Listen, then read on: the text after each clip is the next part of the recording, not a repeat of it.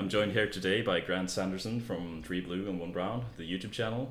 Happy to be here. Thanks Yeah. for having me. Could you tell us a bit about yourself, quick about your background, why, what got you into uh, maths and programming? Um, so I studied math at Stanford, um, and after that I worked at Khan Academy, which is an online education company, for a little bit, making videos and writing articles.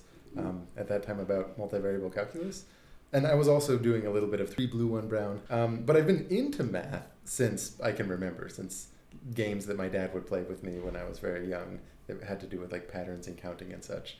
Um, and programming wasn't something that came until college. I think I took my first programming class um, like the first semester of college, and it was when you're a math nerd, you just automatically love this stuff Yeah, because It, it tickles all the same parts of the brain. It does. So uh, then kind of ran with that as well. In your videos, and especially in the talk you did uh, yesterday here at Science Week, you were talking about teaching the curriculum with differentiating with the concrete and the abstract. What do you specifically mean with that? Well, so math is built out of abstractions, right? And I think a lot of us use this term, but we don't necessarily think about what do we mean by abstracting. Um, and you know, one example that I was giving in the talk yesterday had to do with um, if you have a certain numerical pattern, this can often be abstracted into a very simple algebraic expression. So, you know, the pattern I was starting with was if you notice if you factor the number 35, you have 5 times 7, these two numbers that are 2 apart. If you factor 143, um, what you get is 11 times 13, these two numbers that are 2 apart. Um, if you factor 3,599, you get 59 times 61, two numbers that are 2 apart. These might seem like random things, and certainly it doesn't necessarily make the best audio. It's a little more No, no, no. thing. But what, what's in common with all the numbers there, each one is 1 below a square. 35 was 1 below 6 squared. 143 is 1 below 12 squared. 3,599 is 1 below 60 squared. So this is it's something you can kind of feel in your bones, which is quite nice. This pattern between these numbers, um, and of course we don't write it by giving a list of examples and describing it in words. We write it with algebra. We write that as x squared minus one factors into x plus one times x minus one. Um, so you know this this is the power of algebra in some senses, abstracting numerical properties. But I think when you start with that formula, if you start a lesson with the abstraction, you lose a little bit of the heart that it has and that feeling of the, the pattern that it's meant to represent in your bones. When you go the other way around, you have the chance to have a sense of ownership on it, right? Um, now, this is just one example of where the layers are. Uh, those layers can be in a large number of other places too. You know, maybe a college student is learning about linear algebra and vector spaces. Now, a vector space is a very abstract thing. It can represent a number of different um, things, which in the, are, are themselves abstraction, like the idea of pairs of numbers, right? Those constitute a vector space, or functions themselves. Like all of these are abstract, but vector spaces are an abstraction layer above that. But before, you know, rather than starting your textbook, as many do, with here are the axioms of a vector space, here are the formal rules, which is analogous to saying here are the formal rules for algebraic manipulation, right? You start with the patterns that you see and saying, hmm, like a lot of the things we do with pairs of numbers have a spatial component to them. Maybe we want to do something that explicitly makes that pattern, that relationship between pairs of numbers and spatial things, um, a, a mathematically uh, viable operation that you can manipulate without having to think about the particulars, right? Um, and the, the, the main point I wanted to make, like in that talk, is just how easy it is to forget. Like once you know something, um, you think about it from the top down. You, you know, I, I showed some footage from a class that was with some very young students who were learning about fractions. Now, I think all of us, um, we have a, a pretty strong comfort with the idea of numbers. Um, you know, the number three, the number one third, number two fifths, things like this, to the point where we kind of forget that numbers themselves are an abstraction. What they are abstracting is the idea of quantity and counting things, right? So in this class, you see these students, um, they were asked the question, what is one tenth plus two fifths? And pretty soon they realize from the context that they need to figure out the rules for manipulating these numbers. Mm. That you, you turn two fifths into something over 10. And it's like this race for who can figure out what the something over 10 is. Um, and they're like, they're having trouble with it. And they're like, maybe we try to turn it into something over 20. And one of the girls, like, or no, one of the students, the, he makes like a guess that, um, what was it? That two fifths should be equal to 20 20s. Yeah, yeah, right? that was it. Um, and so this is a delightful moment, and you know it's, it's humorous because we're looking at kids, and who doesn't love kids? And also, you forget just how creative they can be. We weren't even thinking that 2020 is, could be a thing that you turn it into, but it gives this moment of empathy where you're like, what's happening here is we're working with an abstraction, and the kids don't know what it's abstracting, right? And the moment of clarity comes once uh, the teacher draws a circle to represent three thirds and chops it up into thirds. So now you've breached the layers of abstraction. He's showing a quantity. And they're like, ah, yes, fractions are actually representing a thing. They're abstracting the notion of any, you know, let's say one third. It could be a third of a cake. It could be a third of your family. It could be a third of the country, whatever it is. Mm. Like, it is an abstraction above all of that. Um, then once that layer was breached, they pretty quickly like find what they're supposed to do to get to that answer. Um, and the reason I wanted to like focus on that, even, it's not because I the goal is to teach the lecture hall their fractions, right? But then to talk about um, how I approached a certain video I did, in this case the Fourier transform, uh, it builds that empathy because there are a lot of things that students might do when they're initially learning about something like the Fourier transform that are just like the young kid guessing that two fifths is equal to 20 twentieths. Right? Yeah. You know there's a symbolic manipulation. You know there's something you're supposed to do with these things that are on the blackboard, right? Um, and from once you understand it, you can look at the things that students are doing and be like, that makes no sense at all, Mhm. right? Um, but in the process of learning, it's it's not at all obvious. One of the things that I wanted to emphasize though is that it's what I'm not saying is concrete is better, right? I'm not saying that if you're teaching math, find the concrete version. That's what makes it clearer to everyone. It does make it clearer, but the problem is you're you're then not actually teaching the math Yeah. in some sense. Like there is a power to the abstraction. There's a reason that we do that. Um, so it's more a statement about the direction of learning um, rather than anything else. Because I think there are a number of pop science things out there where the goal is to find either a simplification or an analogy or just a concretization of a complex idea. Quantum mechanics is a very popular thing Yeah, to yeah. cover in some sense, right? But then never show the math or never show the symbols or never show the thing that abstracts that away.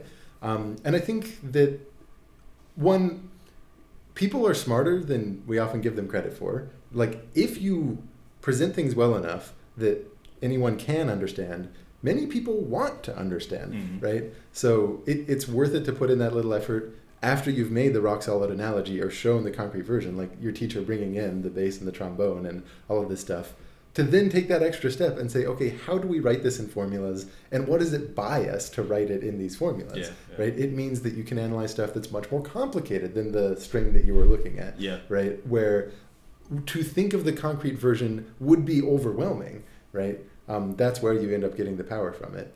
Um, so that you know, it, it, it's an important step. So it's not, um, you know, it's, it's it's not a statement about let's simplify things so that it can be understandable. No, no, no, I completely agree with you there. There has to be some kind of combination with it. Um, we also have a class called um, linear system theory, where it's well, you can guess from the name, it's a lot of uh, linear uh, algebraic manipulations and differential equations. Mhm. But that's the first um, hands-on experience where we can use maths to model and control um, a helicopter model, Hmm. a physical model uh, in cybernetics. So, to, a lot of engineering um, studies, study programs need this kind of things a bit more. I Hmm. mean, chemistry also always have their labs and stuff like that, but the mathematicians don't have much except for physics labs or something like that. oh, as, as far as like the things that you can touch and hold to Yeah. justify your field. yeah, That's true. I mean, math, math folks tend to care more about elegant problem solving. of course. Um, and you know, that, that's quite, it's got a lot of merit in its own right, but it's maybe less flashy.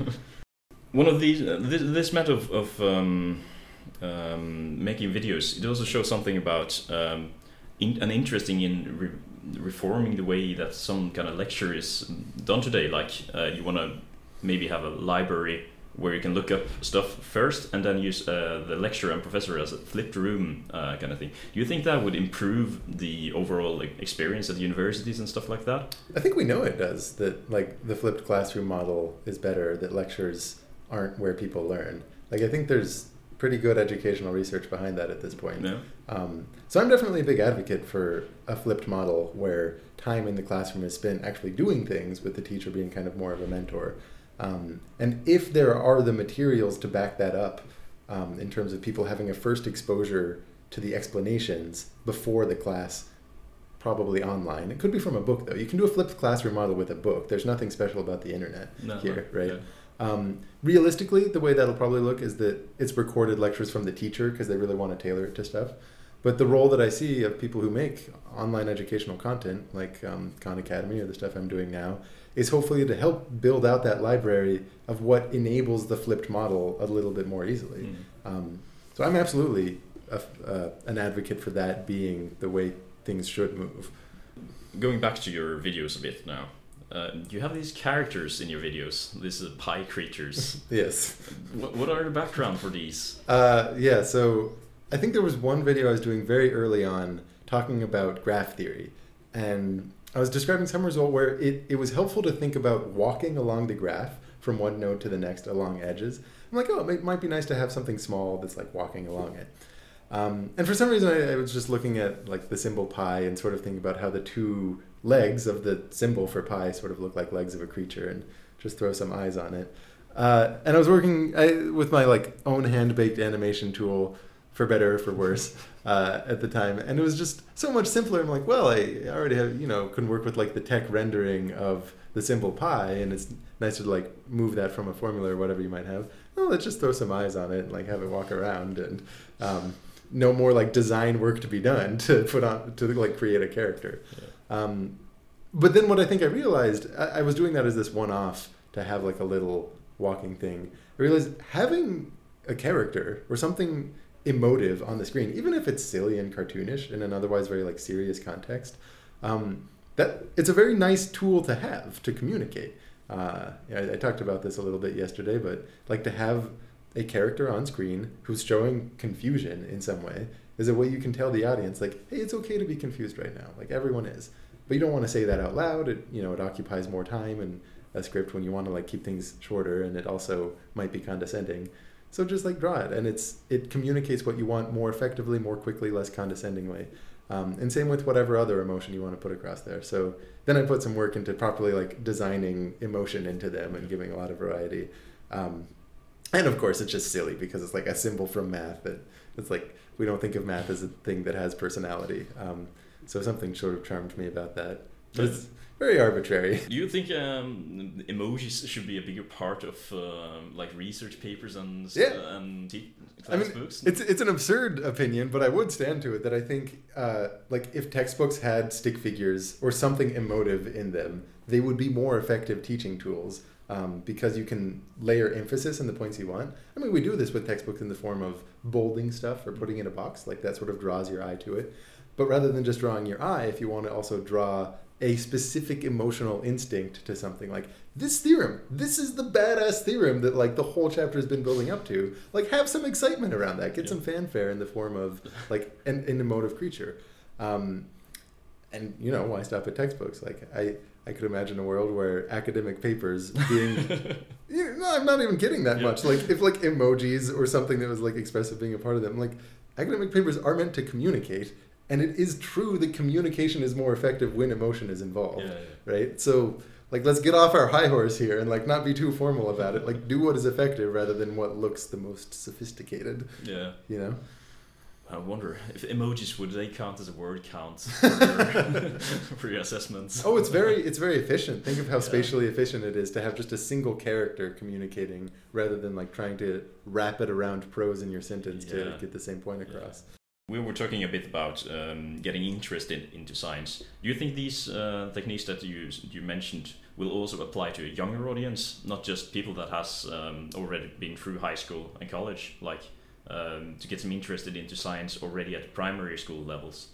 Yeah, I, I mean, I, I like to think that anything I is this a fair statement? I was going to say I like to say anything that I believe comes from principles that should apply across the spectrum. Yeah. Clearly, that can't be true stated as such, but I, I do think um, uh, you know uh, people being interested because of the understanding that they think will come. I think that applies to children who are young as much as it does to anyone who's older right? Um, especially because children respond to positive feedback, and if you show excitement in your own understanding and in their understanding, like they respond to that. Mm. Um, I, I, also think you know the, the idea of uh, being cognizant of what you're abstracting and why you're abstracting it, like that applies at all, at all levels, right? I mean, just the example I was talking about earlier with the, the idea that numbers themselves are abstracting quantity. Um, you know, you don't say it like that to the kid, but that's a thing that you're running for the principles and how you're how you're describing it, right? Um, and then what you were saying, Alan, like having this this promise of application in some way and seeing the hands-on view, right? Mm. Like for sure, kids will be more excited if it's things that they can touch. Yeah. I, I do sometimes wonder though about like the science museum effect where you have like a kid running around, they like touch this thing that's like a demo, touch this thing that's a demo. Like, I don't know if you're actually engaging with science meaningfully if it's merely a matter of putting your hands on a demo of some cool thing that happens, Mm. like a, a tornado of flame, and then you go on to the next thing. It's like a cool thing that happens. Mm. Um, you know, that's nice in that you're you're getting an association between a sense of excitement and something that has the word science in it. But you don't really know what's going on. You're Right. just pushing buttons. Right. Yeah. So, um, whereas I think you know kids are very capable of genuine understanding of certain phenomena, and that like if you make that connection, um, like that that will be a much more robust way to get them into science. Mm. Because what you don't want is the person says, "Oh, I thought I was into science." And then I started doing some, and it's just filled with like numbers and formulas and Yeah. um, uh, like notebooks and labs, and like I tur- it turns out I wasn't into science. yeah. Right? It's like, what made you think you? Well, like, uh, not what made you think you were interested, but just the, the thing that got you into science should have been an authentic reflection of what it was going to be. Yeah, so yeah. that there isn't that boundary point between like the pop stuff and the real stuff.